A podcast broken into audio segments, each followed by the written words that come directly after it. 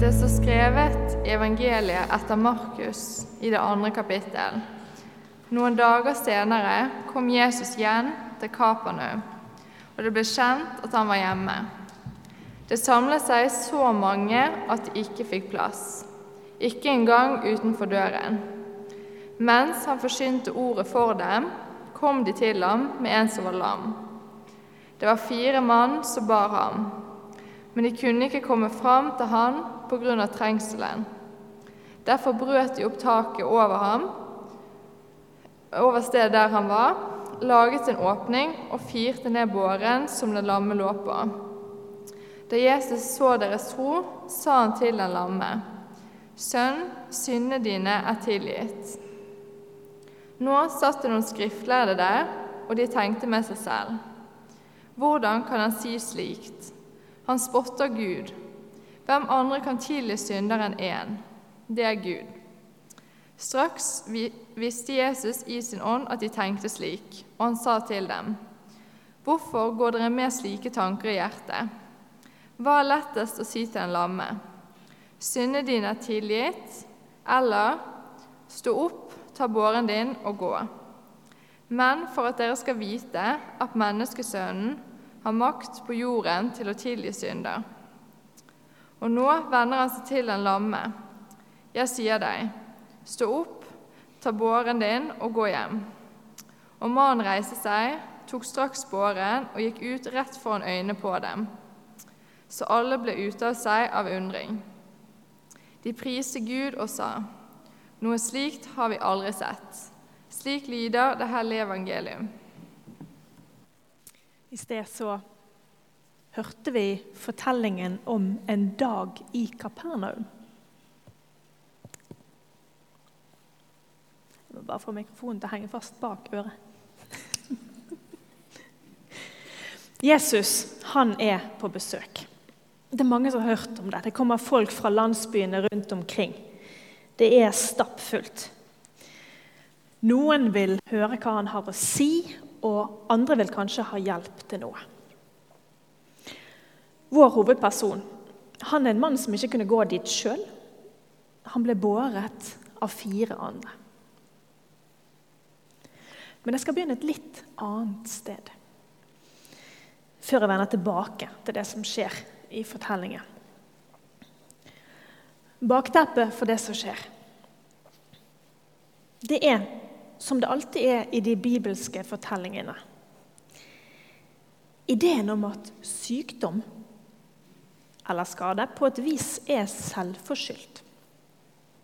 Muligens til og med en straff fra Gud. For tanken er at gode folk de klarer å leve livet sånn som de skal, og da blir de velsignet av Gud.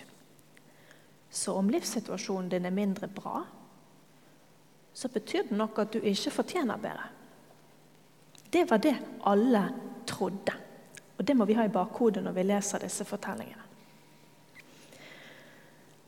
Og Når vi leser dette nå, så er det så lett å tenke Gud, hvor gammeldags.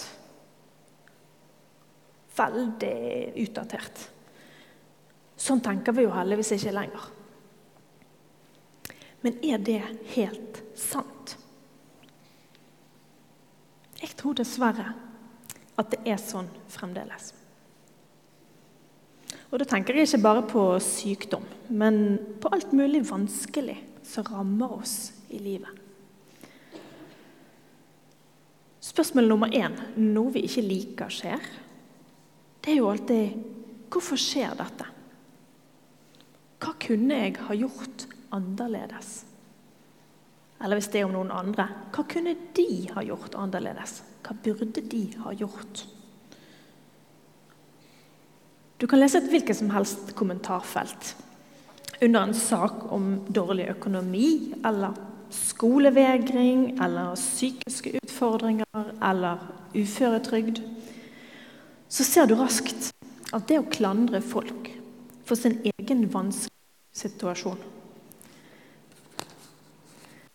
Det er aldeles ikke noe som forsvant på Jesus sin tid. Virkelig ikke. Det er like levende nå. Det å bli klandret av andre, det er nå én ting. De vet jo tross alt aldri hele historien. Men langt verre, og som kanskje skjer enda oftere, det er jo at vi klandrer oss sjøl. For vi mennesker, vi har en tendens til å innbille oss at hvis vi bare hadde oppført oss litt annerledes, så hadde ting gått bedre.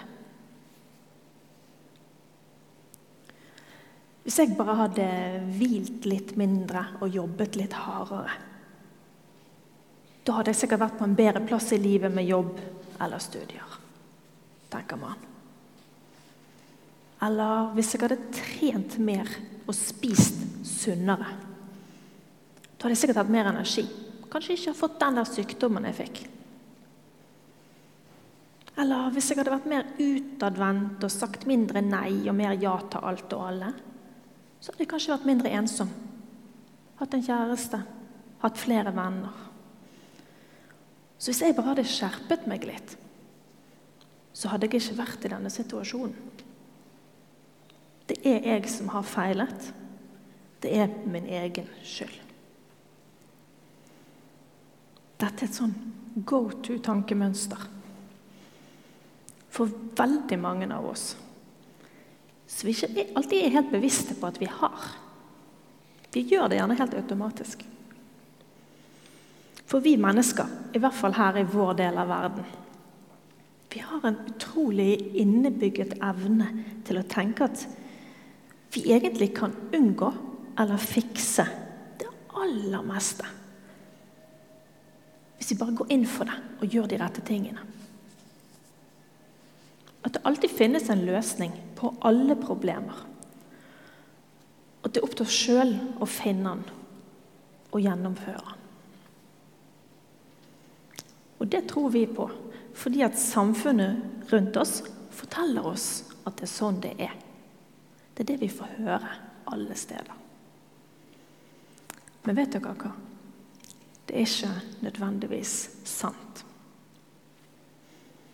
Det er ikke alltid sånn at vi har en mulighet til å endre på en dårlig situasjon. For vi er mennesker av kjøtt og blod. Derfor har vi selvfølgelig begrensninger. Det er ikke alt vi kan. Det er forskjell på det som er min feil, og det som faktisk ikke er det. Noen ganger er faktisk problemene noen andre sin feil. Noen ganger er det et dårlig system sin skyld. Mens noen ganger er det rett og slett ren uflaks. Hvis du ikke strekker til, så hender det faktisk at årsaken ligger utenfor deg. Det er kanskje litt umoderne å si det, men det gjør det ikke mindre sant. Det er ikke alt vi skal klandre Det er ikke alltid vi skal bære skylden for. Det er ikke alt vi har makt over. Og det vi ikke har makt over, det skal vi heller ikke ta ansvaret for. Vi kan ikke alltid fikse alt på egen hånd. Vi kan ikke manifestere oss til alt vi ønsker oss. For det er urettferdig å si til folk og det er like urettferdig å si det til seg sjøl. Fordi det er menneskefiendtlig, og det er motsatt av hva det egentlig er å være et menneske. Og Det er noe vi trenger å bli minnet om av og til i vår kultur. Som alltid gir hver enkelt av oss 100% ansvar, og dermed all skyld for alt som ikke fungerer i livet. For ingen av oss kan fikse alt bare med å skjerpe oss. Og det kan være ganske frigjørende å huske på, hvis vi bare klarer å tro på det. Så vi kan godt ta et oppgjør med denne eldgamle mistanken om at alt som rammer folk, i bunn og grunn er selvforskyldt. For det er det ikke. Mannen som var lam, han ble båret til Jesus. Alle rundt trodde at de visste hva han trengte aller mest. Selvfølgelig var jo det å bli gående. sant? Ikke lenger trenge hjelp. Ikke være utenfor i samfunnet. Det var det som var annerledes med han, som skulle fikses. Men så er det ikke det Jesus gjør. Han hopper glatt over hele diskusjonen om sammenheng mellom synd og sykdom. Den tar han et annet sted. Og så sier han syndene dine er tilgitt. Det du har ansvar for, som du har gjort galt, det er tilgitt. Han starter ikke der mannen er forskjellig. Han starter der han er lik. Lik alle som var til stede. Der han er lik oss alle sammen. Og ikke engang pga. noe med mannen sjøl, men pga. de som bar han. Av der, sånn, ja. Pga. de som bar han sin tro, står det. Og det er veldig rart. Han er nesten en slags statist i sin egen helbredelse. Og det ligner jo ikke på sånn som dette med tilgivelse har vært håndtert opp igjennom i mange kristne sammenhenger. Der man kunne, og fremdeles kan, møte på ganske strenge krav og regler for hvor mye man må angre, og hvor oppriktig man må være og hvor flink man må være til å unngå å gjøre de samme feilene igjen før man kan tilgi noe som helst. Der har vi en historie som vi ikke ser her i det hele tatt. Her er det bare et helt enkelt sønn. Syndene dine er tilgitt. Det er nåde, sånn helt i praksis. Noe man ikke har fortjent, men får likevel. De som er til stede, de med kompetanse, de skriftlærde, de blir bestyrtet. De syns han er sjokkerende. At Jesus ikke har noen respekt for Gud. Han sier ting han umulig kan ha dekning for. De vet jo at det er ikke sånn det fungerer. Du må oppføre deg først. Han kan ikke bare komme her og tilgi synder. Gode Gud, man må jo ha litt orden på tingene. Det går jo an å forstå at de tenkte. Man kan jo ikke bare komme med nye ideer om Gud. Bare sånn helt uten videre. Men det gjør jo Jesus. Men så sier han nei vel, hvis det skal være sånn, at vi ikke har noe tro på grenseløs tilgivelse. Da ber heller Jesus mannen om å bare gå på føttene sine. Ta båren din og gå hjemme. Og så gjør han det.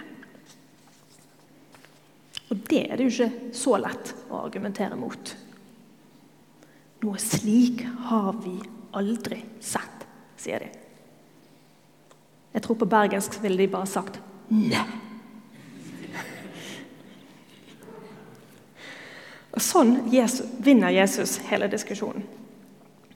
Alle tre evangeliene. For denne historien den er så sentral og sier så viktige ting om Jesus og Gud at den er med i både Markusevangeliet, Matteusevangeliet og Lukasevangeliet. Den er superviktig. Så hva slags fortelling er det, da?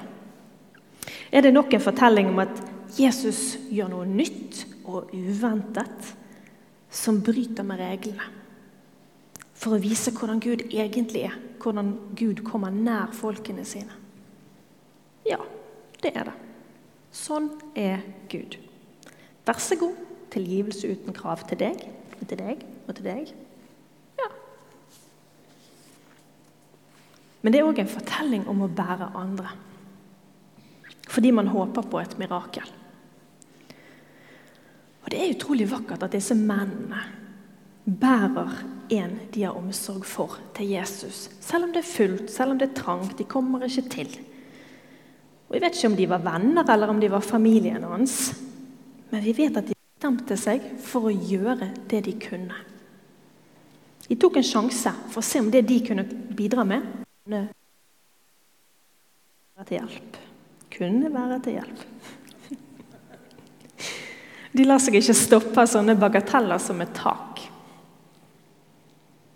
Gikk et stykke vei sammen med mannen. Så gjorde de det de kunne. Og så tenkte de at nå må Gud gjøre resten. Det som strekker seg utover hva vi som mennesker kan få til. Sånn som når vi bærer små barn til dåp, eller når vi bærer en kiste til graven. Så bærer vi så langt vi kan. Og så legger vi den vi er glad i, i Guds hender. For at Gud skal gjøre resten. Og Fortellingen vår snakker også om å bli båret av andre når vi trenger det. Og det er kanskje det aller vanskeligste. Å tåle å la andre bære et stykke når man ikke kan fikse det sjøl. Kunne be om hjelp. Det er vi generelt veldig dårlige til. Vi trenger å øve på det. For de fleste av oss sier jo gjerne ja til å hjelpe andre men vi er veldig treige til å be andre hjelpe oss. Det er en fortelling om å tåle å bli båret. Og Først og fremst så er det kanskje en fortelling om hva som egentlig betyr noe. Det er ikke å bli lik de andre. Det er ikke å bli problemfri eller perfekt på noe vis men å være inkludert i den nåden og tilgivelsen som Gud gir til oss alle. Uansett hvem vi er, hvor vi kommer til kort, hva sår eller arr vi har. Når vi kommer til kirken, når vi kommer til Jesus, om vi kommer alene, eller om vi trenger å bli båret av noen andre sin tro så får vi alltid det vi trenger. Det vi alle alltid trenger. Vi får nåde, og vi får fred. Nåde være med dere og fred fra Gud, vår Far og Herren Jesus Kristus, sier vi alltid i begynnelsen av gudstjenesten, sånn som Inge gjorde nå i sted. Herren velsigne deg og bevare deg. Herren la sitt ansikt lyse over deg og være deg nådig. Herren løfte sitt åsyn på deg og gi deg fred. Det sier vi alltid til slutt. Nåde og fred. Når vi kommer til Jesus, får vi også alltid det. La oss be. Gud, Trøst meg når jeg kjenner skyld jeg ikke eier. Vis meg hva jeg har ansvar for, og hva jeg skal la ligge. La meg bære. La meg tåle å bli båret. Takk for din tilgivelse, som er dypere og mer grenseløs enn jeg forstår. Gi oss fred. Amen.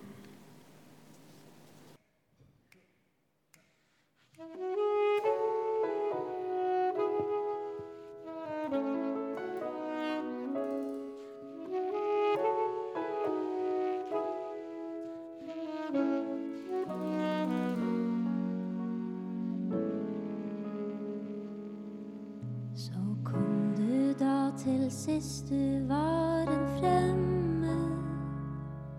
En sangfigur man nok har snakket om.